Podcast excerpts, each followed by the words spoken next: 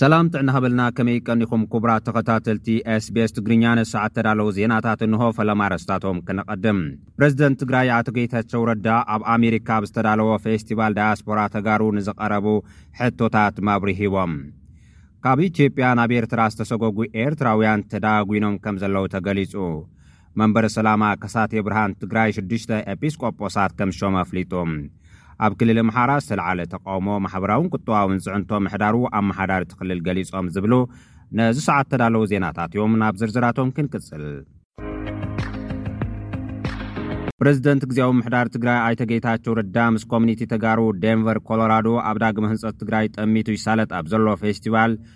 ይሳተፉ ኣለዉ።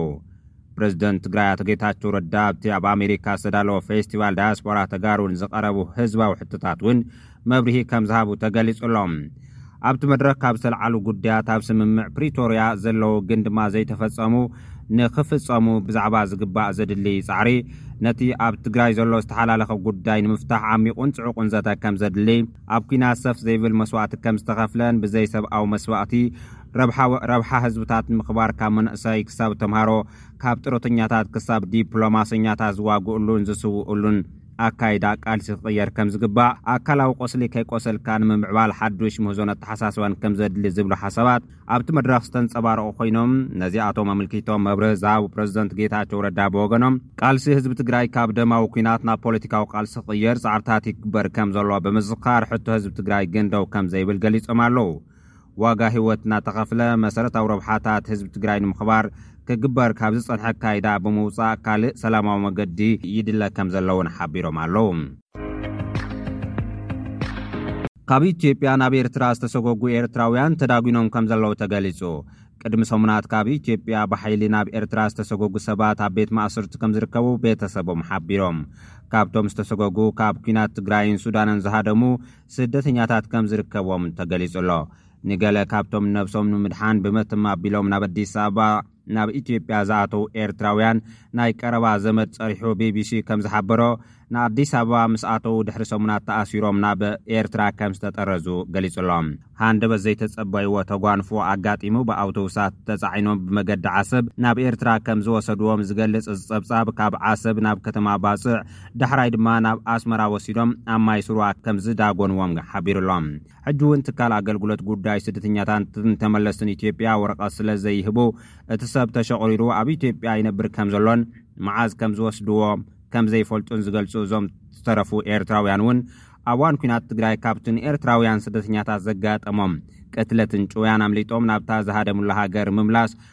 ኣሰንባዲ ምኻኑ ገሊጾም ኣለዉ። ካልኦት ካብ ኢትዮጵያ ኣብ ቀረባ እዋን ተጠሪዞም ዝተሰጎጉ ዜጋታት ኤርትራ ኣብ ዓዲ ኣቤቶ ተኣሲሮም ከምዘለዉ፣ ኣብ ኤርትራ ዘለዉ ስድራቤቶም ክበጽሕዎም ፈቲኖም ከምዘይሰለጦም ውን እቲ ጸብጻብ ኣመልኪቱ ኣሎ። መንግስቲ ኤርትራ ብዛዕባ'ቶም ናብ ኤርትራ ተሰጒጎም ዝተመልሱ ዝኾነ ይኹን መግለጺ ኣይሃበን ዘሎ። ቅድሚ ሐዚ ካብ ዝተፈላለዩ ሃገራት ብሓይሊ ናብ ሃገሮም ዝተመልሱ ኤርትራውያን ስቅያት፣ ግዱድ ምስዋር፣ ሕማቕ ኣተሓዛን ማእሰርትን ከምዘጋጠሞም ጸብጻባት ኮሚሽን ውድብ ሕቡራት ሃገራት ይሕብር። ሰበስልጣን ኤርትራ ነቲ ኣብ ልዕሊኦም ዝቐርብ ክስታት ምግሃስ ሰብኣዊ መሰላት ግን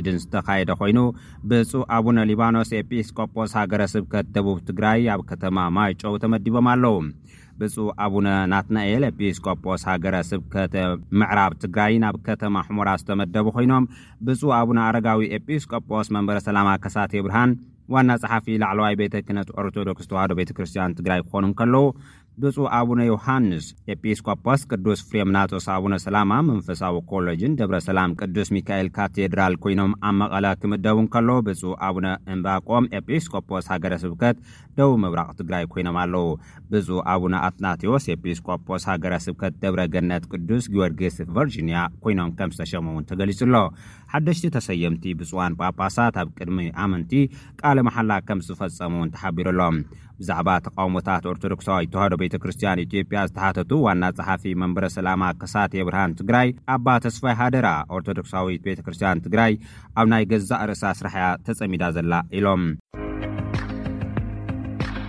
ኣብ ክልል ኣምሓራ ዝተልዓለ ተቓውሞ ማሕበራውን ቁጠባውን ፅዕንቶ ምሕዳሩ ኣመሓዳሪ እቲ ክልል ገሊፆም። ኣብ ክልል ኣምሓራ ድሕሪ ዳግም ምትዕርራይ ፍሉይ ሓይሊ ስዒቡ ዝተልዓለ ተቓውሞ ኣብ ማሕበራውን ቁጠባውን ዓውድታት ከቢድ ተፅዕኖ ከምዘሕደረን ነቶም ፀገማት ብሰላማዊ መገዲ ንምፍታሕ ፃዕርታት ይግበር ምህላው ኣመሓዳሪ እቲ ክልል ዶክተር ይልቃል ከፋለ ገሊፆም። ፀገማት ፀጥታ ኣሻቐልቲ እናኾኑ ኣብ ዝመፅሉ ኣብዚ ሕጂ እዋን ስሩዕ ኣኸቦ ኣብ ምክያድ ንዝርከብ ክልላዊ ቤት ምኽሪ ኣምሓራ ሪፖርት ዘቕረቡ እቶም ኣመሓዳሪ፣ ፀገማት ብዝሃደኣ ኣግባብ ክፍታሕ ፃዕርታት ይግበር ከምዘሎ ገሊፆም። ኣብ ክልል ኣምሓራ ፍልይ ብዝበለ ኣግባብ ኣብዚ እዋን'ዚ ፍሉጣት ፖለቲከኛታትን ኣባላት ፀጥታን ኣብ ዝተፈላለዩ ቦታታትን እዋናትን ቅንፀላታት ይፍፀመሎም ከምዘሎ ዝፍለጥ እዩ።